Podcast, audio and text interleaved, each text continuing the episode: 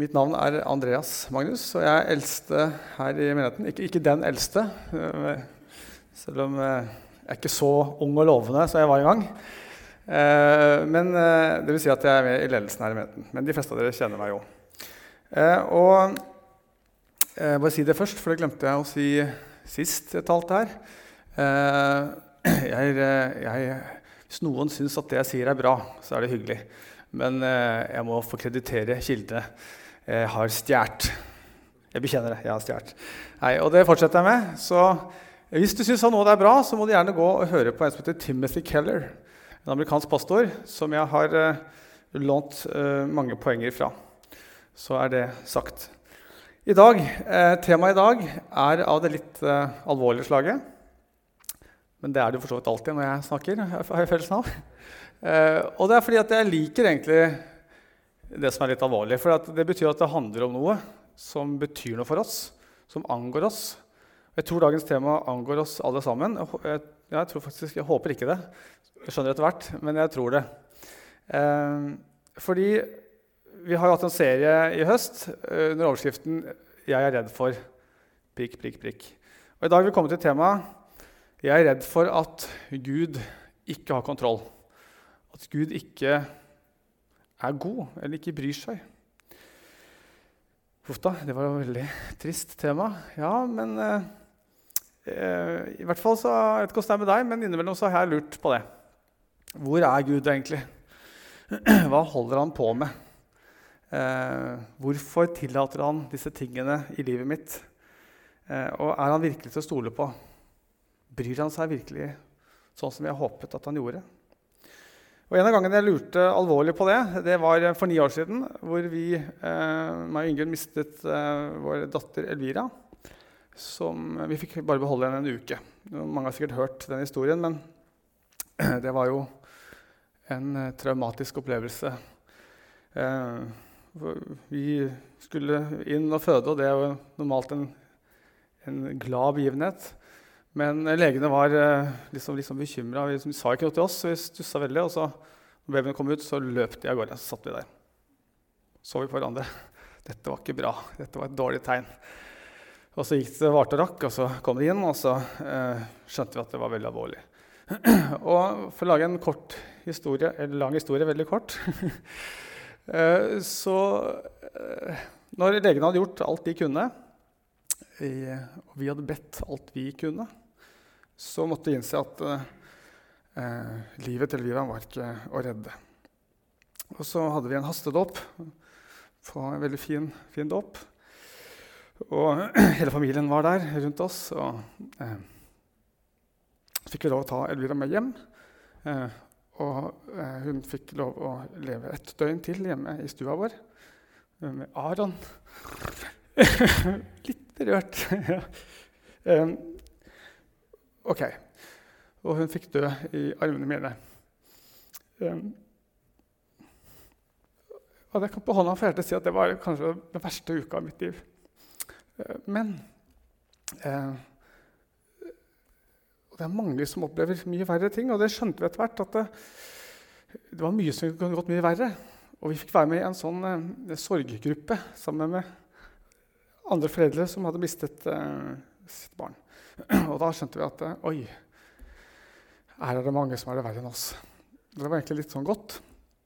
Men likevel en ganske mager trøst. Når du har det vondt, så hjelper det ikke at andre har det, har det verre. Selv om det kan hjelpe litt. Eh, men da gikk det jo bra med oss. Eh, vi klarte å ikke bli bitre. Eh, verken på, på Gud eller på sykehus eller legene som selvfølgelig gjorde så godt de kunne, eh, eller på hverandre. Selv om det holdt litt hardt, det siste. Eh, ikke at vi anklaget hverandre, men vi var så på tuppa at eh, små ting kunne bli helt store krangler. Eh, husker Vi hadde en brosjyre til begravelsen, og fonten i den brosjyra skulle det være New Time, Times New Roman? Eller skulle, det, det, det, blir en svær krangel. Det, er et eller annet som er gærent. Eh, dere kan krangle om fontene i brosjyra. Men, eh, men, sånn er det når man er helt eh, skvist. Men jeg fikk også oppleve masse omtanke. Utrolig mye omtanke. Mye gode ord, mange blomster. Folk som ringte og tok kontakt. Og hvis vi lærte én ting, så var det at hvis du har noen kjære som opplever det vondt, så ta kontakt. Og ikke vær redd for at eh, Selv om du ikke vet hva du skal si, det er mye bedre enn å droppe det og holde deg vekke fordi at du er redd for å si noe gærent. Det er veldig lite som kan bli gærent. Ofte var det jeg som måtte trøste de som skulle trøste meg. for de visste ikke hva de skulle si. Men det oppleves likevel godt. Ok, så det, Dette var kanskje det verste jeg har opplevd. Men eh, selv om vi bor i verdens beste land ifølge FN, så er det jammen meg stadig vekk at jeg syns jeg har grunn til å synes synd på meg sjøl. Seinest i går så syntes jeg litt synd på meg sjøl. Var litt smådeppa. Og jeg tror ikke jeg er den eneste som har av og til eh, spørsmål hvor er du, Gud? Hva holder du på med? Hvorfor får jeg ikke bønnesvar? I hvert fall tilsynelatende. Og har du egentlig kontroll? Jeg tror Hvis vi går til Bibelen, så er det mange mennesker der som jeg har oppdaget etter hvert, som eh, hadde veldig god grunn til å tvile på Guds godhet og til å tvile på Guds kontroll. Og En av de, eh, det var jobb. Og Jeg har aldri lest så mye jobb som jeg gjorde denne uka på sykehuset. Da leste jeg gjennom hele jobb flere ganger. Og han mista ikke bare ett barn, han mistet alle barna sine. Han mistet kona si, han mistet alle eiendelene han mistet helsa si. Og likevel så holdt han fast på at Gud er god, og Gud har kontroll. Og så var Josef, som ble kastet i en brønn, forrådt av brødrene sine, solgt til Egypt. Eh, gikk gjennom en hel masse. Det var mange år. Han var i fengsel. Han lurte nok på hvor er du, Gud? Har du kontroll? Eh, 'Hvorfor svarer du ikke?' Og så har vi Daniel. Eh, det er en forferdelig krig. Familien blir utslettet. Han blir kidnappet, bortført til et fremmed land. Gitt et nytt navn. Forsøkt tatt fra identiteten. Og likevel så holder han fast. Gud er god. Gud er, eh, har kontroll. Selv om omstendighetene tilsier at eh, han ikke har det. Virkeligheten rundt ham vitnet om noe helt annet. Likevel holder han fast på det. Eh, dagens tekst er hentet fra 1. Peter 1, 3-12. Jeg skal lese den i sin sammenheng nå, og så skal vi prøve å pakke den ut sammen. For den tar for seg noe av disse temaene. Et levende håp er overskriften. Lovet være Gud, vår Herre Jesu Kristi Far, Han som i sin rike miskunn har født oss på ny til et levende håp ved Jesu Kristi oppstandelse fra de døde til en arv som aldri forgår, aldri skitnes til og aldri visner. Den er gjemt i himmelen for dere, dere som i Guds kraft blir bevart ved tro, så dere når fram til frelsen. Det ligger alt ferdig til å bli åpenbart ved tidens ende. Derfor kan dere juble av glede. Selv om dere nå en kort tid, om så må være, har det tungt i mange slags prøvelser. For slik blir troen deres prøvet. Selv forgjengelig gull blir prøvet i ild, og troen, som er mye mer verdt enn det, må også prøves, og den kan bli til pris og herlighet for dere når dere når Jesu Kristi, eh, Kristus åpenbarer seg. Han elsker dere enda dere ikke ser han, og han eh, Han tror dere på enda dere ikke kan se ham i dag. Og dere jubler og er fylt av en glede så herlig at den ikke kan rommes i ord. For dere når troens mål, frelse for deres sjeler.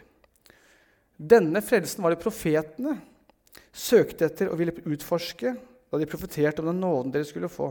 De prøvde å finne ut hvilken tid Kristi ånd som var i dem, pekte fram mot, og hvordan den tiden ville bli. For ånden vitnet om Kristi lidelser og den herlighet som siden skulle komme. Det ble åpenbart for dem at det ikke var seg selv, men det var dere de tjente med sitt budskap.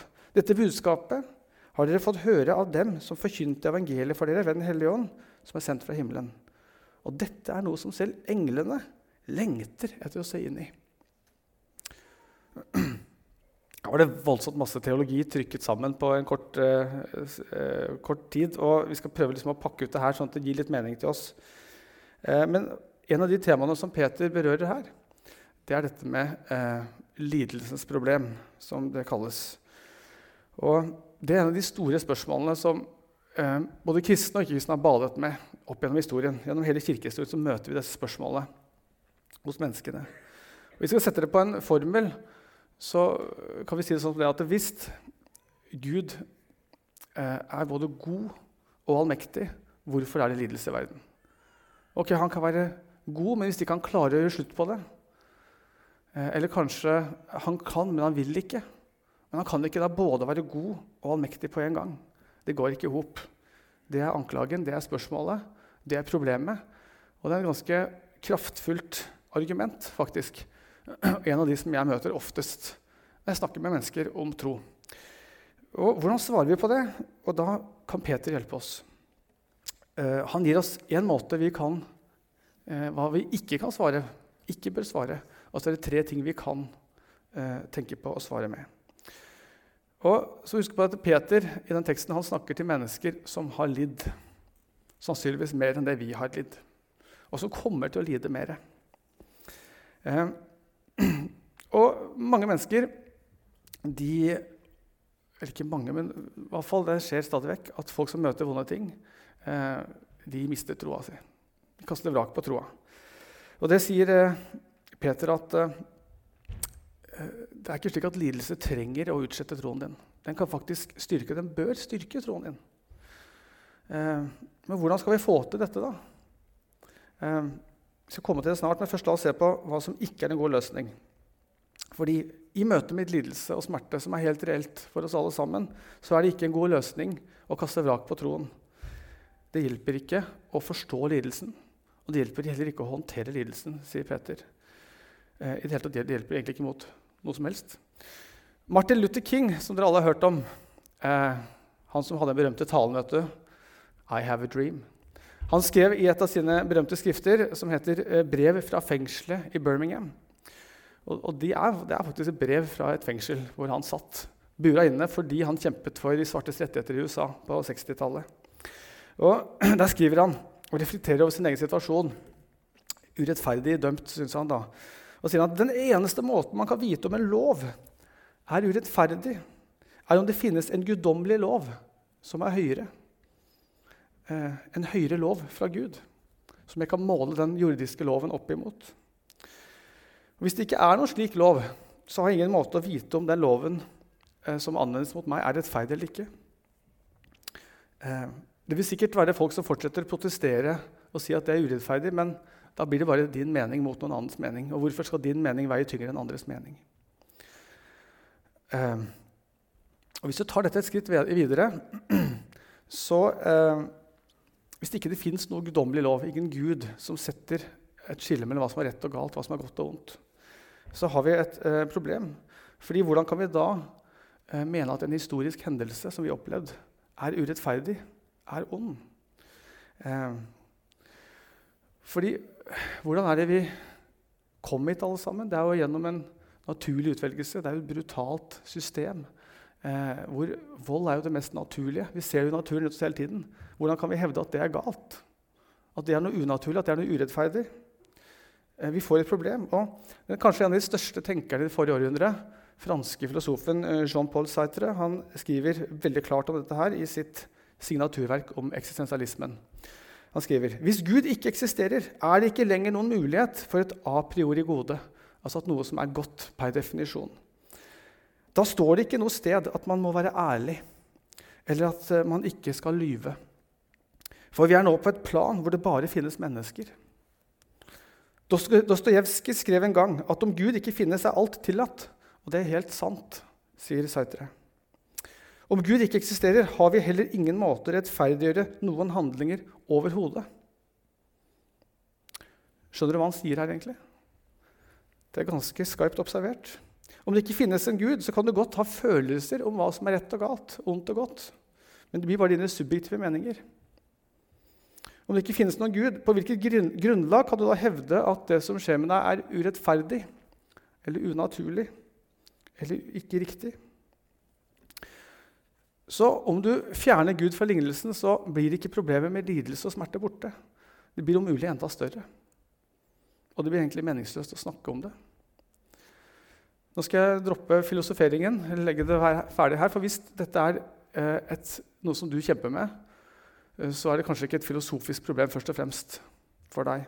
Men poenget mitt er at eh, løsningen er altså ikke å droppe Gud fra lignelsen. Lignelsen, nei, ligningen. Da går den ikke noe mer opp av den grunn. Og Hvis ikke det hjelper, hva er det som hjelper? Hva er det Peter peker på da? Skal vi se om vi får noe hjelp av Peter. Han sier at det er tre ting vi kan se på. Vi kan se bakover. Noe vi kan se bakover på. Og så kan vi se framover. Og så er det noe vi må se inn i. La oss begynne med det første. Se oss tilbake. Og Peter han sammenligner lidelsen vi går gjennom, med en smeltedigel. Og Det er kanskje ikke noe vi er så opptatt av i, i daglig i Norge, men det er altså noe hvor man varmet opp metaller i gamle dager for å få uh, smelte metallene og få ut de metallene man ønsket. Og Spesielt edle metaller de ble foredlet i ilden, og man fikk ut det rene, edle, verdifulle metallet. Og Det er en veldig kraftfull metafor som brukes mange ganger i Bibelen. Men et sted så er det ikke bare metafor. Der er det en helt konkret hendelse hvor noen mennesker blir kastet i en ildovn. Jeg vet ikke om du husker den historien. Vi vet ikke om det er det Peter tenker på, men det kan godt hende han tenkte på det. Han kjente godt denne historien. Og Det er fra eh, Daniels bok, kapittel 3. Og Der er det altså tre unge menn fra Israel som blitt bortført sammen med Daniel. Eh, og så har de fått nye navn. De også, de nye navnene det er de vi ofte husker. Eh, Sadrak, Meshach og Abednego, som er navn som tilbød de lokale gudene i eh, Babylonia. Eh, og, eh, men de ønsket ikke å bøye seg for disse gudene, selv om samfunnet rundt dem prøvde å tvinge dem til det. Og Nebukadnesar, herskeren i den tidens supermakt, eh, han hadde forreist en voldsom gullstatue. Og de, alle skulle kaste ned for denne gullstatuen, men de, de nektet. Eh, og De ble truet med ildovnen, og eh, han fyrte den opp ekstra varm. Så varm at de som skulle hive det i ovnen, de ble selv brent til døde. Men så er det han sitter på sin trone i, på god, trygg avstand og ser inn denne ovnen, at han da spretter opp, forferdet, og sier Var det ikke tre Men vi kastet i ovnen? Nå ser jeg fire. Og den fjerde ser ut som en gudesønn, står det. Hva var det som skjedde inni der? Nå vet jeg at det kom tre ut uskadd. Men hvem var den fjerde? Det svarer ikke Daniels bok på. Men vi har noen andre skriftsteder som kan gi oss et hint. Og En av det, eh, de stedene er Jesaja 43. Så husk at Dette er skrevet 150 år før eh, Daniel lever. Og Der står det Vær ikke redd, jeg har løst deg ut, jeg har kalt deg ved navn, du er min. Når du går gjennom vann, er jeg med deg, og gjennom elver skal de ikke overskylde deg. Når du går gjennom ild, skal du ikke svis, og luen skal ikke brenne deg. For jeg er Herren i Gud, Israels hellige, din frelser. Hva er det Gud lover for noe her i Isaiah 43? Ja, det han ikke lover oss, er et problemfritt liv. Han lover ikke å spare oss fra alle vanskeligheter. Han sier ikke engang om du er så uheldig å måtte gå gjennom dette. Nei, når du går gjennom vann og ild. Her er det ikke mye herlighetsteologi, venner. Men det er en herlig teologi. For her lover den allmektige Gud å gå sammen med oss gjennom vann og ild. Eh, og når vi får erfare det, da blir det eh, mulig å holde ut. Da trenger ikke ilden å fortære oss, og vannmassene trenger ikke å drukne oss. Eh, når, vi trenger, når vi møter vanskeligheter, og Gud er med oss, så trenger det ikke å knekke oss. Det kan faktisk gjøre oss sterkere. Det kan rense oss, og det kan styrke oss i troen. Akkurat slik som de edle metallene ble renset i ilden. Og faktisk er det kanskje bare gjennom sånne ting at vi kan bli foredlet sånn som Gud ønsker. Eh, du har også hørt ordtaket at det er i motbakke det går oppover. Eh, og min erfaring er at det må gjerne en krise til før voksne mennesker er villige til å forandre kursen og tenke annerledes. Skifte retning i livet. Jeg tror av og til Gud tillater kriser i livet vårt nettopp fordi han ønsker en ny retning, eller det er noe vi trenger å lære. Men husk da at midt i dette så er Gud med oss. Han har lovet å være med oss uansett. Ok, Dette er kanskje inspirerende, men hvordan kan jeg vite at dette er sant? Bare fordi det står i Bibelen, så kan jeg vite at dette er sant for meg i dag. Og da er det Det nye testamentet gir oss noen svar. Det gamle testamentet lover oss at Gud skal gå med oss gjennom ild og vann.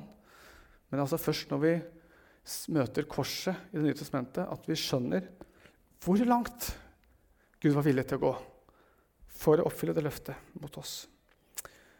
Og når vi ser Jesus på korset, da skjønner vi at Gud tar dette på alvor.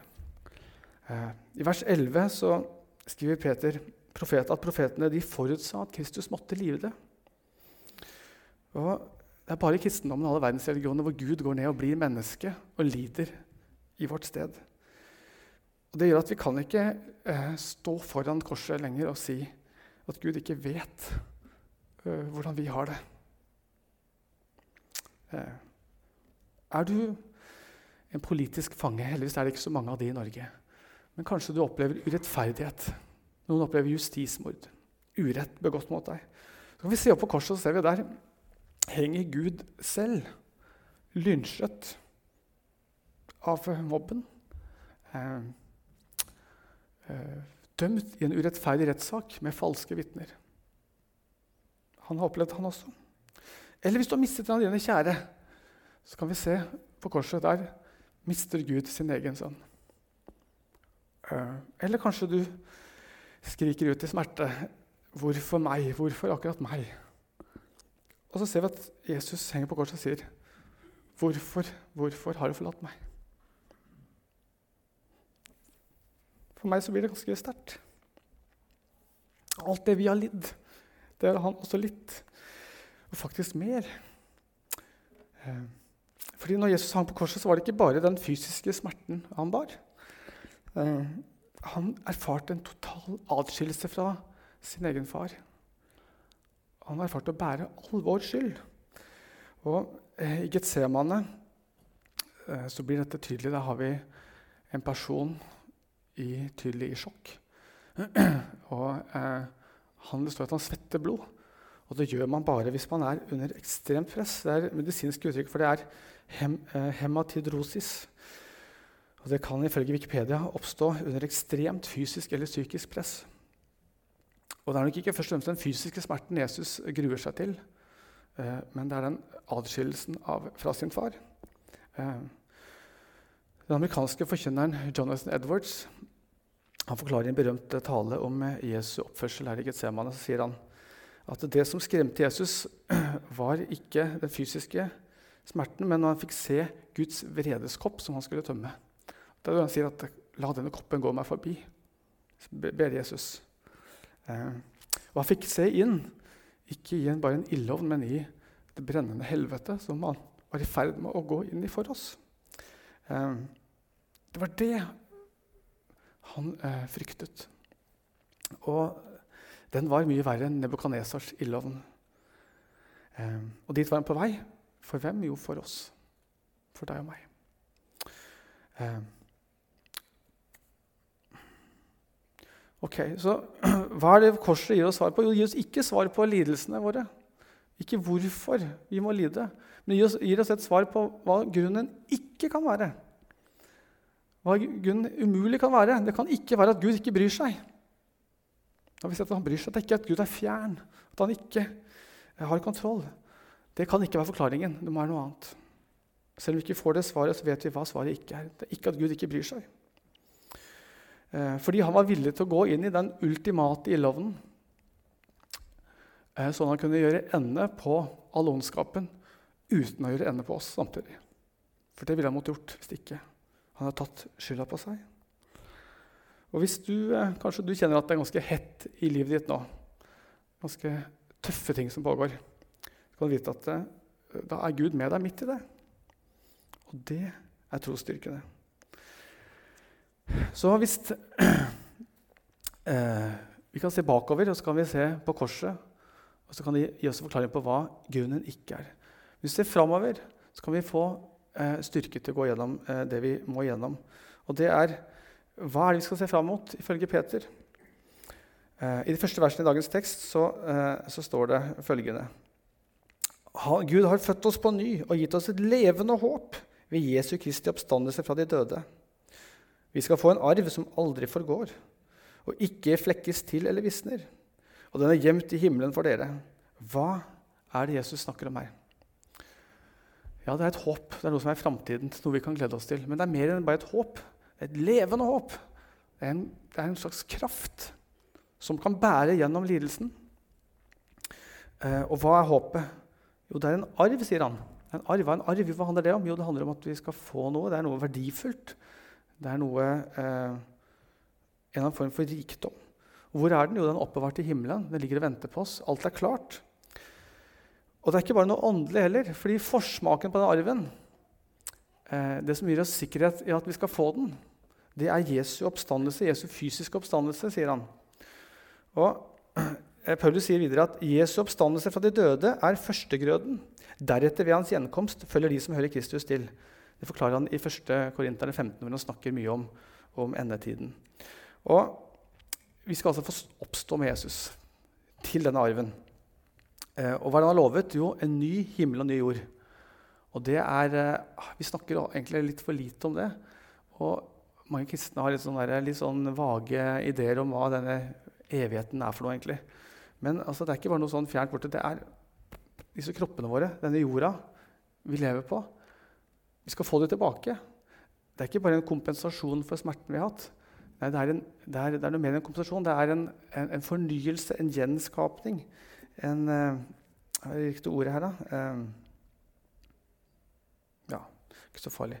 Uh, men det skal komme tilbake til oss, og det skal komme i en ny form. Uforgjengelig.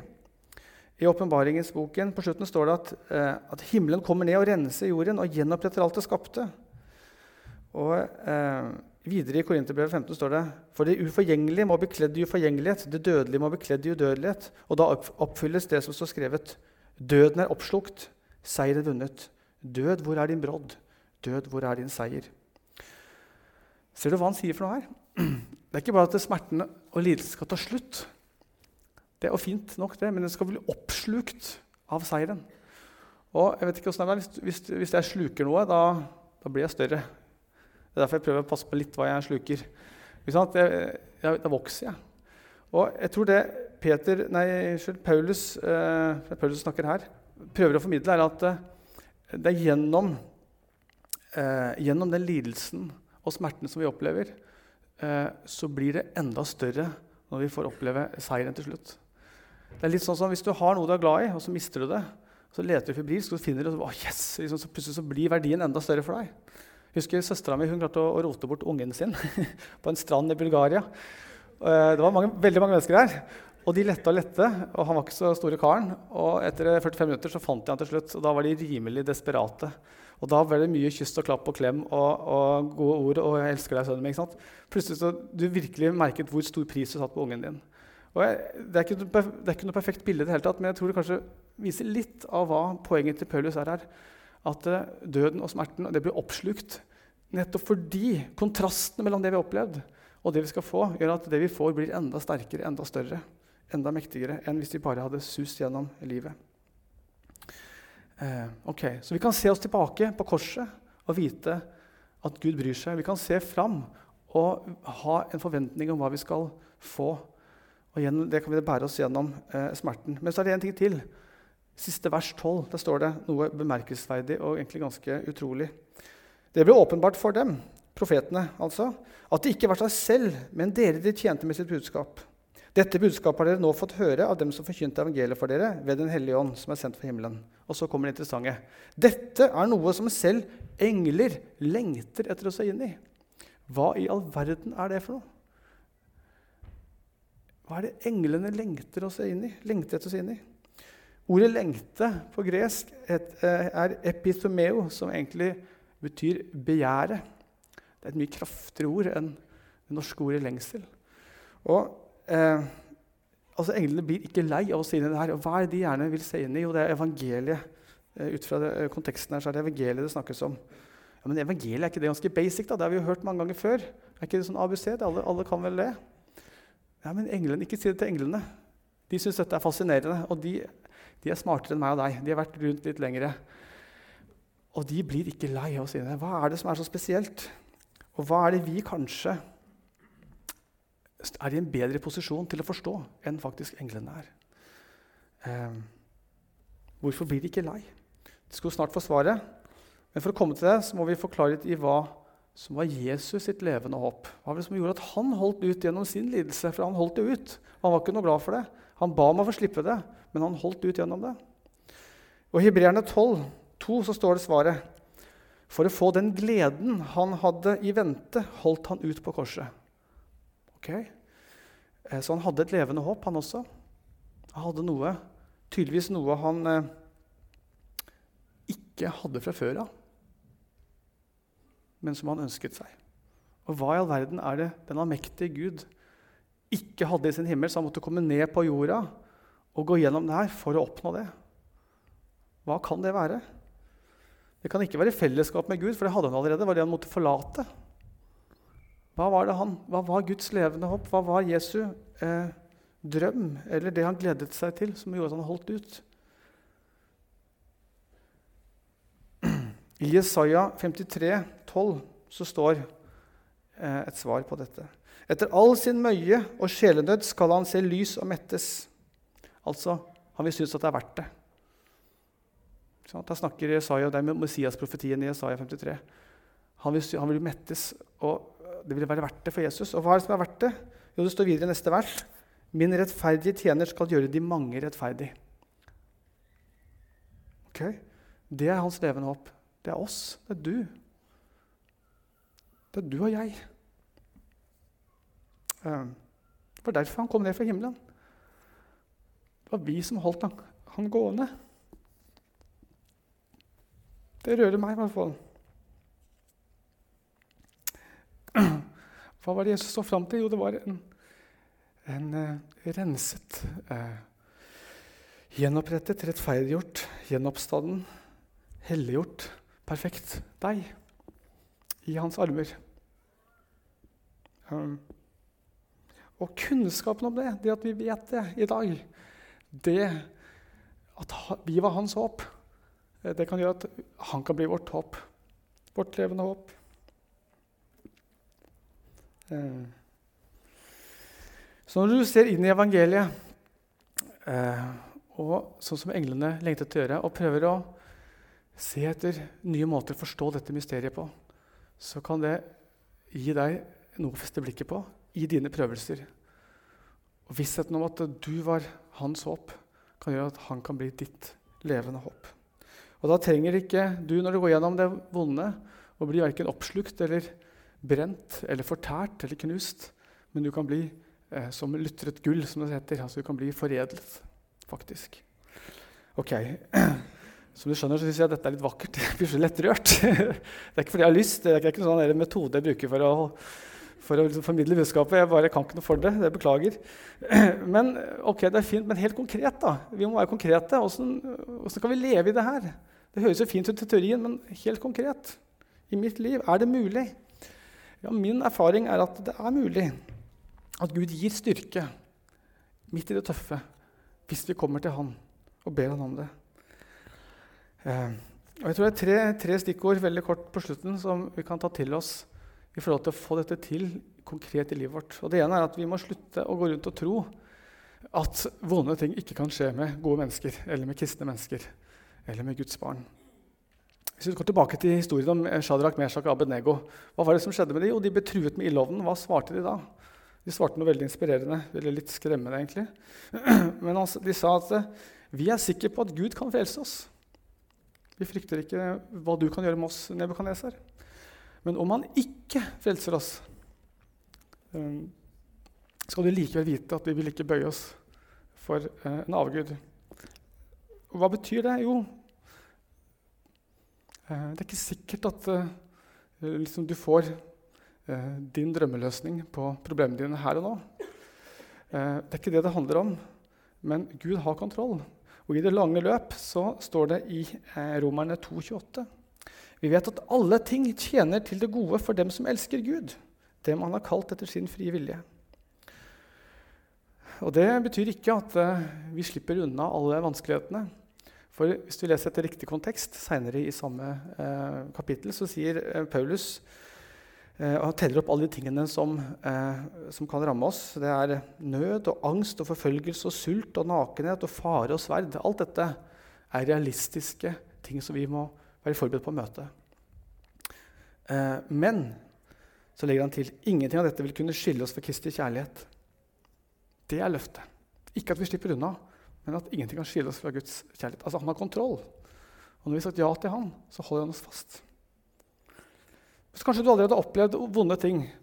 Kanskje det har bygget seg opp litt bitterhet, litt eh, fortvilelse, eh, mistillit, skuffelser overfor Gud, som gjør at du holder litt på avstand. Du tviler litt på om han vil deg vel. Og Da har jeg lyst til å invitere deg til å legge det på Gud i dag. Gi det fra deg. Fordi eh, Jesus sier i Matteus 11.: Kom til meg, alle som strever og har tungt å bære, og jeg vil gi dere hvile. Og Det kan du få oppleve i dag, hvis du vil. Og Til slutt så handler det om, tror jeg, å være villig å legge oss sjøl i Guds hender helt og fullt. Jeg tror ikke at du opplever livet med stor L eh, ved å søke maksimal kontroll over alle omstendigheter, ved å unngå all smerte. Nei, ved å legge oss sjøl i Guds hender og stole på Han, at Han er god, og ta det som kommer vår vei, og møte det sammen med Han. Det er det som er livet med stor L. Og Da kan vi få erfare Hans kjærlighet, vi kan få erfare Hans godhet og Hans styrke. Og kanskje har du aldri gjort det. Aldri lagt livet ditt i Guds hender ordentlig. Da er det også en mulighet til å gjøre det i, i dag. Her og nå. Etterpå så er det forbedre på min høyre side som gjerne vil be sammen med deg hvis du ønsker å ta et skritt på dette området. her. Jeg tror vi skal slutte der med en bønn. Takk, Jesus, for at du var villig til å komme ned og bli menneske og gå gjennom den heftigste ildovnen av de alle. Ikke fordi du hadde så innmari lyst, men fordi du hadde et levende håp. Det var oss. Det var oss. Fordi du elsket oss og ville ha fellesskap med oss. Det er et ufattelig mysterium. Og så har vi våre egne ildovner som vi må gå igjennom. Men takk at du har lovet å gå sammen med oss. Og eh, du gir oss aldri mer enn det vi kan takle. Og i vår svakhet så har du lovet å bli sterk. Hjelp oss å legge oss selv i dine hender, Herre, og stole på deg, at du er god, og du er i kontroll uansett hva omstendighetene måtte si. Amen.